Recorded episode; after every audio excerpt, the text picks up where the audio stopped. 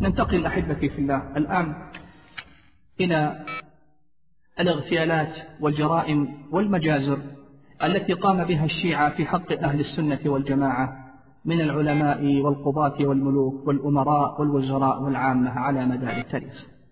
أقول إخواني في الله فلقد ذهب ضحية إجرام الشيعة على اختلاف طوائفهم عدد كبير من العلماء والأمراء والقضاة والوعاظ والملوك والخلفاء والوزراء حتى بلغ الأمر أنه إذا أظهر أي عالم أو فقيه أو واعظ مبادئ هؤلاء وأخذ يبين زيف عقائدهم الباطلة وأفكارهم المنحرفة قاموا بتصفيته جسديا على أيدي رجال الجناح العسكري ونذكر أمثلة على ذلك عبر التاريخ منها ما يأتي محاولة نبش وسرقة وحرق جسد الخليفتين الراشدين أبو بكر الصديق وعمر الفاروق رضي الله عنهم على أيدي شيعة الشام لعنهم. وذلك أنه جاء قوم من شيعة حلب.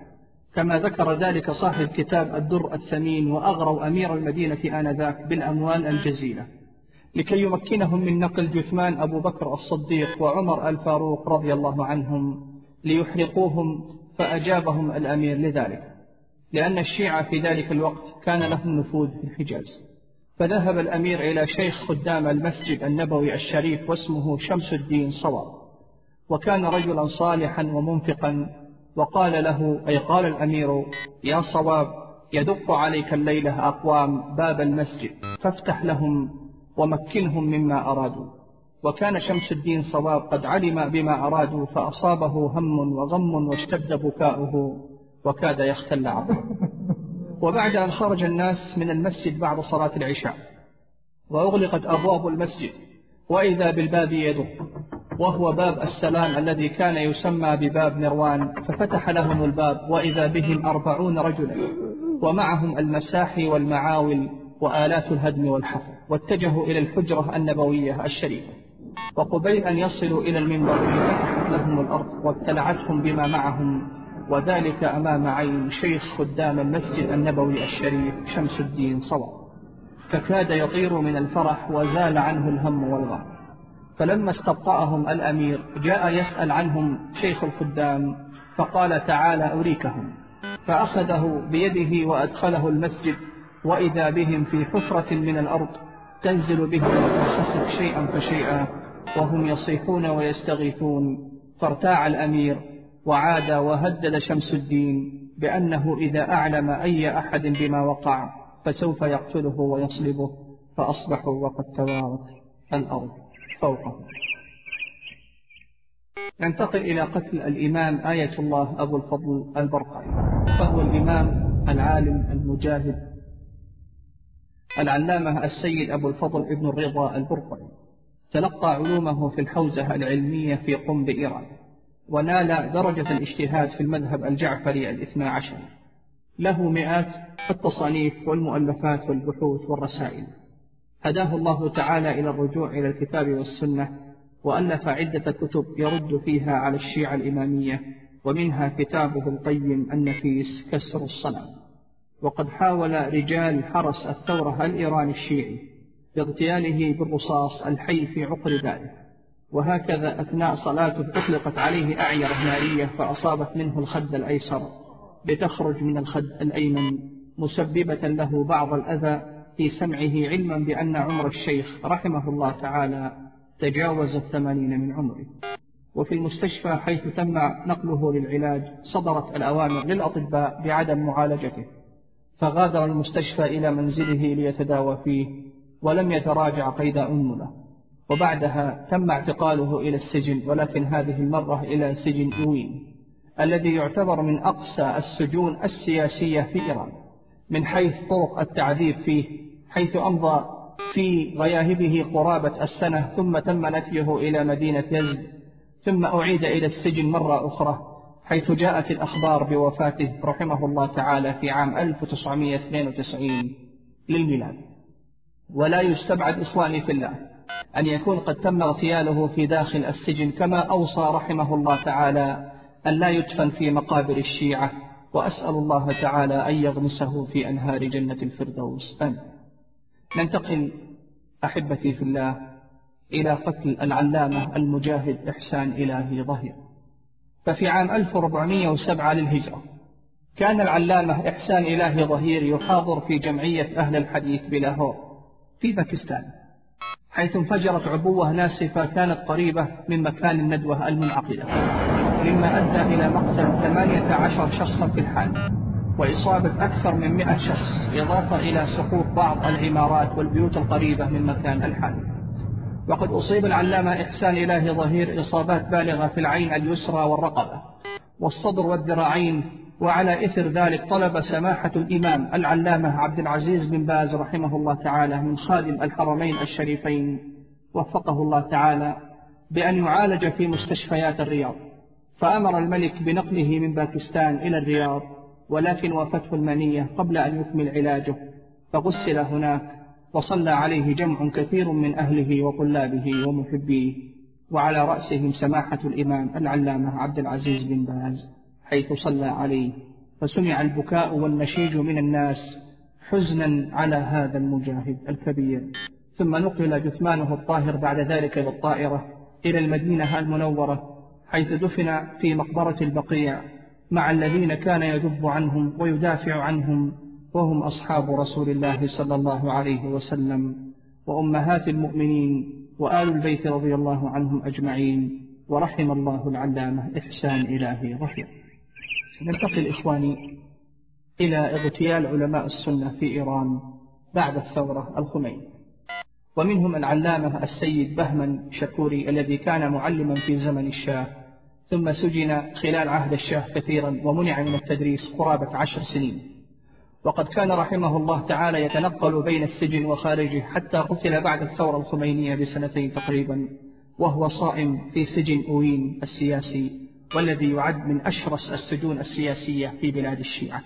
حيث كانت تهمته وجريمته رحمه الله أنه كان يحذر من تعظيم وتقديس المزارات والمشاهد لأئمة الشيعة.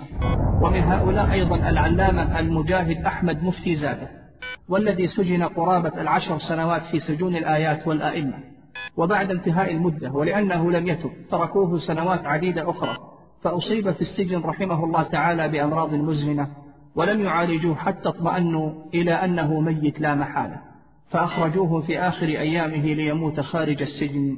وقد كان رحمه الله تعالى في آخر حياته ملقى في الفراش. له نفسية كنفسية الأسد في جسم ضعيف كالعجوز مع أنه كان قبل ذلك قوي الجسم طويل القامة. رحمة الله عليه. كما قتلت الشيعة الإمامية في السجن الطبيب الجراح الدكتور علي مظفريان رحمة الله عليه الذي كان شيعيا ثم أصبح من أهل السنة. كذلك قتل الشيخ عبد الحق الذي تخرج من جامعة أبي بكر الصديق رضي الله عنه في باكستان بتهمة الوهابية كما قتل الكثير من المشايخ والعلماء من أهل السنة كالشيخ العلامة السلفي ناصر السبحاني رحمه الله تعالى الذي قبل حبل المشنقة قبل قتله مباشرة وقال إني أرى هناك ما لا ترونه أنتم. رحمة الله عليه كما تم إعدام العلامة الشيخ عبد الوهاب صديقي وسجن السيد عبد الباعث القتالي والدكتور أحمد ميرين صياد المتخرج من الجامعة الإسلامية وهو الدكتور الوحيد في علم الحد حيث حكم عليه بخمسة عشر سنة. وكذلك الشيخ حيدر علي قلم داران والذي كان يقيم في مدينة قم ويدرس ويفند آراء الشيعة. وفي بداية الثورة ذهب أحد الآيات إلى بيت الشيخ حيدر واغتاله ويقال أنه ذبحه بالسكين فأغمي على الشيخ فهرب وظنه أنه مات. وإذا بالسكين لم يقطع الشريان تماما وعاش بعد ذلك سنوات طويلة. وكتب الشيخ ردودا عنيفة على الشيعة رحمه الله.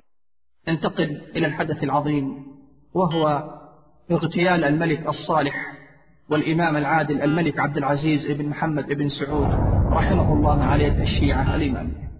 ففي سنة 1218 للهجرة وفي العشر الأواخر من رجب قتل ذلك الإمام الورع التقي عبد العزيز بن محمد بن سعود في مسجد الطريف المعروف في الدرعية وهو ساجد أثناء صلاة العصر. فوثب عليه القاتل من الصف الثالث والناس سجود فطعنه في خاصرته أسفل البطن. بخنجر معه قد أخفاها وأعدها لذلك فاضطرب أهل المسجد. وماج بعضهم في بعض ولم يكن يدرون من أمر فمنهم المنهزم ومنهم الواقف. ولما طعن المجرم الإمام عبد العزيز أهوى على أخيه عبد الله وهو إلى جانبه وبرك عليه ليطعنه فنهض عليه وتصارعا وجرح عبد العزيز جرحا شديدا ثم إن عبد الله صرعه وضربه بالسيف وتكاثروا عليه الناس وقتلوه. ثم بعد ذلك حمل الإمام إلى قصره وقد غاب ذهنه. وقرب نزعه لأن الطعن قد هوت إلى جوفه فلم يلبث أن توفي بعدما صعدوا به إلى القصر رحمه الله. قال العلام المؤرخ بن بشر في كتابه عنوان المجد في تاريخ نجد ما نصه. وقيل إن هذا الدرويش الذي قتل عبد العزيز من أهل بلد الحسين رافضي خبيث انتهى كلامه رحمه الله تعالى. وقال الأمير سعود بن هذلول في كتابه تاريخ ملوك آل سعود عن القاتل ما نصه قتله رجل رافضي اسمه عثمان من أهل النجف في العراق جاء إلى الدرعية متنكرا وغدر بهذا الإمام انتهى كلامه رحمه الله. ننتقل أحبتي في الله إلى محاولة اغتيال الإمام الصالح الملك عبد العزيز آل سعود على يد شيعة اليمن. حيث حاول شيعة اليمن اغتيال ذلك الإمام العادل الذي وحد جزيرة العرب. على كلمة التوحيد وهو الملك عبد العزيز آل سعود رحمه الله تعالى. ولكن الله خيب آمال أولئك المبتدعة الضلال. ففي يوم الجمعة عشر ذي الحجة الساعة الواحدة صباحا من يوم النحر عام 1353 للهجرة شرع الملك عبد العزيز وحضرت صاحب السمو الملكي ولي العهد الأمير سعود ورجال الحاشية والحرس ومعهم ثلة من رجال الشرطة يطوفون بالبيت الحرام طواف الإفاضة. وبعد انتهاء الشوط الرابع واستلام الحجر الأسود تقدم الملك سائرا في شوطه الخامس وولي عهده وحاشيته يسيرون خلفه. إذا برجل يخرج فجأة من حجر إسماعيل شاهرا خنجرا قد انتضاها في يده وهو يصيح بصوت غير مفهوم متقدما من الملك عبد العزيز يريد طعنه فاعترضه أحد جنود الشرطة وهو يدعى أحمد بن موسى العسيري. فطعنه ذلك الرجل الشيعي فأرداه قتيلا فأمسك به آخر يسمى مجدوع بن شباب فطعنه أيضا. فعاجل المجرم. عبد من عبيد الملك يدعى عبد الله القرقاوي بطلق ناري من سلاحه فأرداه قتيلا قبل أن يتمكن من الوصول إلى الملك عبد العزيز. وفي هذه اللحظة شهد مجرم ثاني رفيقا للمجرم الأول يجري من خلف الملك يريد القضاء على ولي العهد الأمير سعود خارجا من حجر إسماعيل من جهة الركن اليماني من بيت الشريف. شاهرا خنجرا أيضا فعاجله عبد من عبيد ولي العهد يدعى خير الله بطلق النار من سلاحه فقتله. وحينما رأى المجرم الثالث ما حل بأصحابه وكان قد خرج فيما يظهر من حجر إسماعيل مع المجرم الثاني هرب مسرعا يريد الفرار. فأطلق عليه جنود الشرطة رصاص بنادقهم فخر سريعا وظل على قيد الحياة مدة ساعة واحدة. تمكن المحققون في أثنائها من معرفة اسمه بقوله أنا علي. فنجى الله عز وجل الملك الصالح عبد العزيز آل سعود رحمه الله تعالى من خبث وإجرام أولئك المبتدعة. ننتقل أحبتي في الله إلى مجزرة بغداد. وقتل الخليفة العباسي المستعصم على يد وزيره الشيعي ابن العلقمي لعنه الله.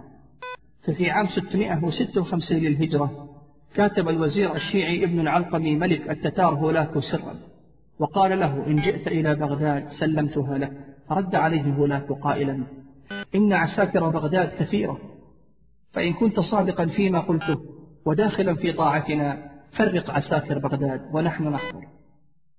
وعندها أشار الوزير الشيعي على الخليفة العباسي المستعصم بتسريح أكبر عدد من الجند والعساكر المرابطون في عاصمة الخلافة بغداد بحجة تخفيف الأعباء المالية الثقيلة في ميزانية الدولة العباسية. عندها وافق الخليفة على ذلك.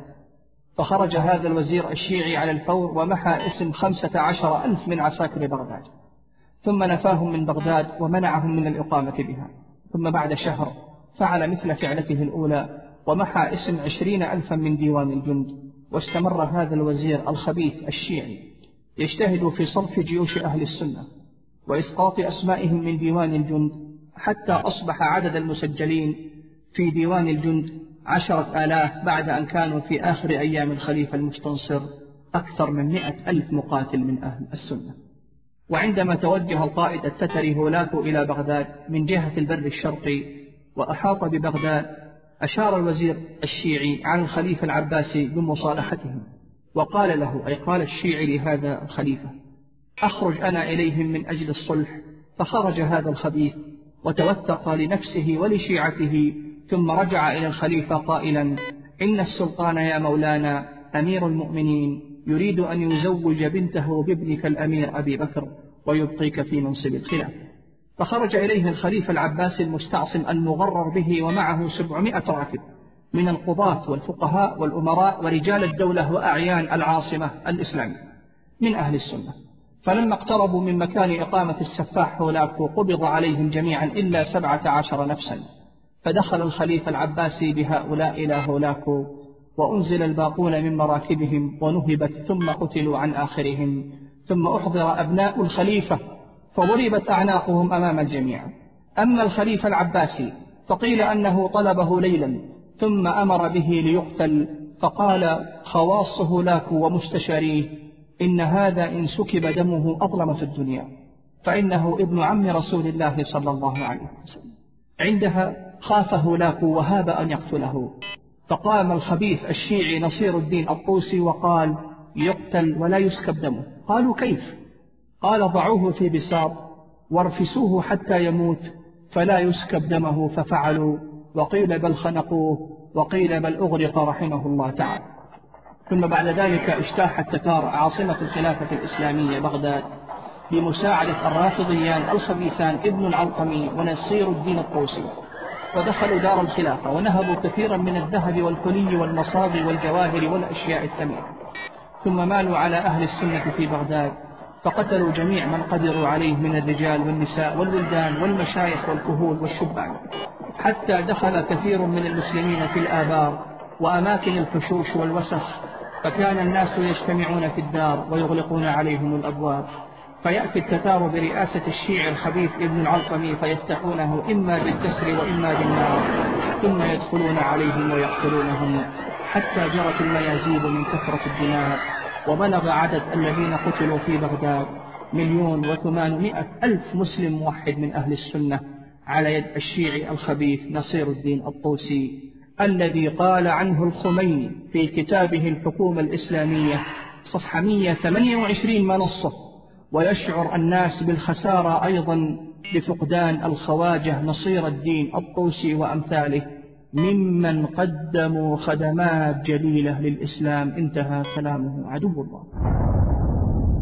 ننتقل إخواني في الله إلى مجزرة المخيمات الفلسطينية على يد حزب أمل الشيعي. وحزب أمل إخواني في الله هي حركة شيعية لبنانية مسلحة. ذات عقيدة إمامية إثنى عشرية. أسسها موسى الصدر في لبنان. عام 1975 للميلاد. للدفاع عن مصالح الشيعة وأطلق عليها بعد ذلك اسم أفواج المقاومة اللبنانية. أما عن المجزرة التي ارتكبتها هذه المنظمة الشيعية الاثنى عشرية ففي يوم الأحد 19 5 1985 للميلاد. الساعة التاسعة مساء كانت دورية مسلحة شيعية تابعة لحزب أمل تجوب مخيم صبرا الفلسطيني. حيث توقفت الدورية قرب فتى يحمل مسدسا حربيا وهي ظاهرة مألوفة في لبنان في ذلك الوقت. فحاولت الدورية اعتقال الفتى لكنهم فشلوا وأفلت الفتى من أيديهم. وانطلق يعدو هاربا وكانت هذه الحادثة بداية حرب دامية لم تنتهي إلا بعد شهر كامل. وفي اليوم التالي اقتحمت ميليشيات أمل الشيعية مخيمي صبرا وشاتيلا الفلسطيني. وقامت باعتقال جميع العاملين في مستشفى غزة وساقوهم مرفوع الأيدي إلى مكتب أمل في أرض جلول كما منعت القوات الشيعية الهلال الأحمر وسيارات الأجهزة الطبية من دخول المخيمات الفلسطينية. كما قطعت القوات الشيعية لحزب أمل إمدادات المياه والكهرباء عن المستشفيات الفلسطينية. وأفاد بعض شهود العيان أن الحرائق شبت في مستشفى غزة وفي الساعة السابعة من نفس اليوم تعرض مخيم برج البراجنة الفلسطيني لقصف عنيف بقذائف الهاون من عدة جهات عندما أصدر الشيعي الخبيث نبيه بري أوامره لقيادة اللواء السادس في الجيش اللبناني بمشاركة قوات حزب أمل في ذبح المسلمين السنة في لبنان. ومن الجدير بالذكر إخواني في الله أن جميع أفراد اللواء اللبناني السادس كلهم من طائفة الشيعة الحاقدة على أهل السنة حيث خاض هذا اللواء معارك في منتهى الشراسة ضد المسلمين العزل من أهل السنة في بيروت الغربية. وفي يوم الثلاثاء 21 5 1985 للميلاد وفي تمام الساعة السابعة صباحا وجه اللواء السادس الشيعي اللبناني. نداءات بواسطة مكبرات الصوت إلى سكان المخيمات الفلسطينية السنة.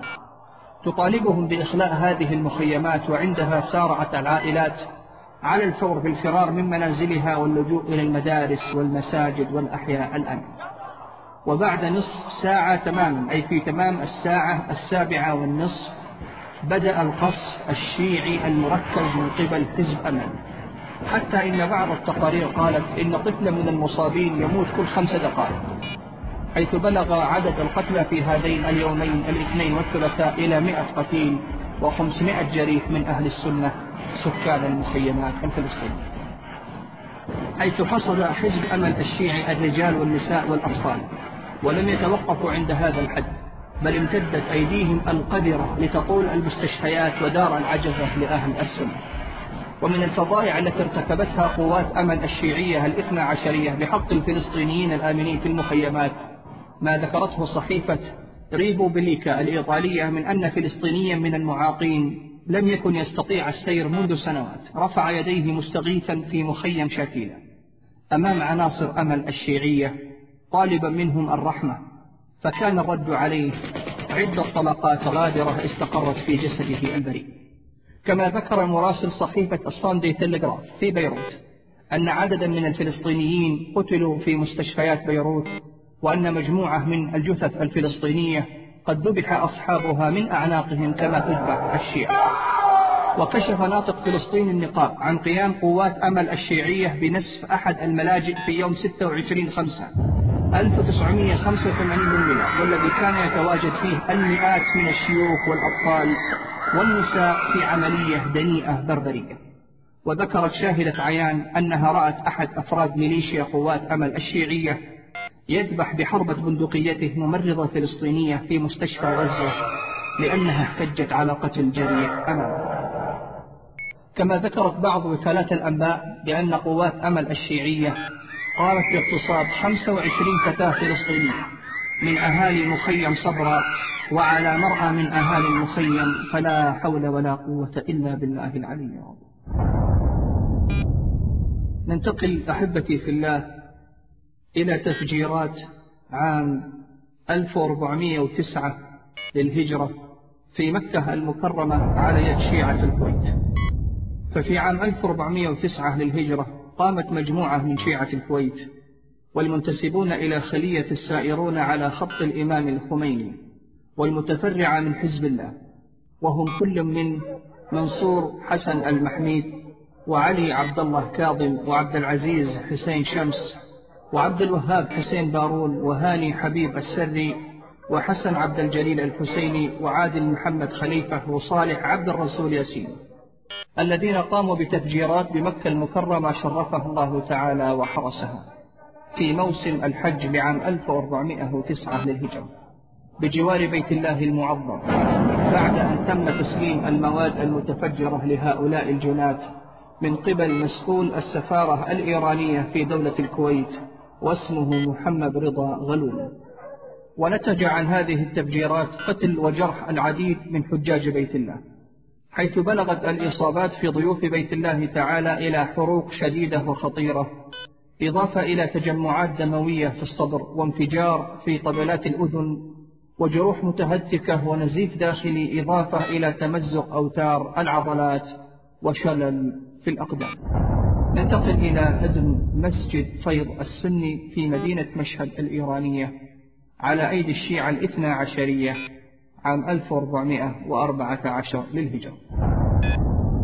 ففي ليلة الاثنين التاسع عشر من شهر شعبان لعام 1414 للهجرة والموافق لذكرى وصول الخميني إلى إيران وحيث تحتفل الدولة الإيرانية بتلك المناسبة أشد الاحتفالات.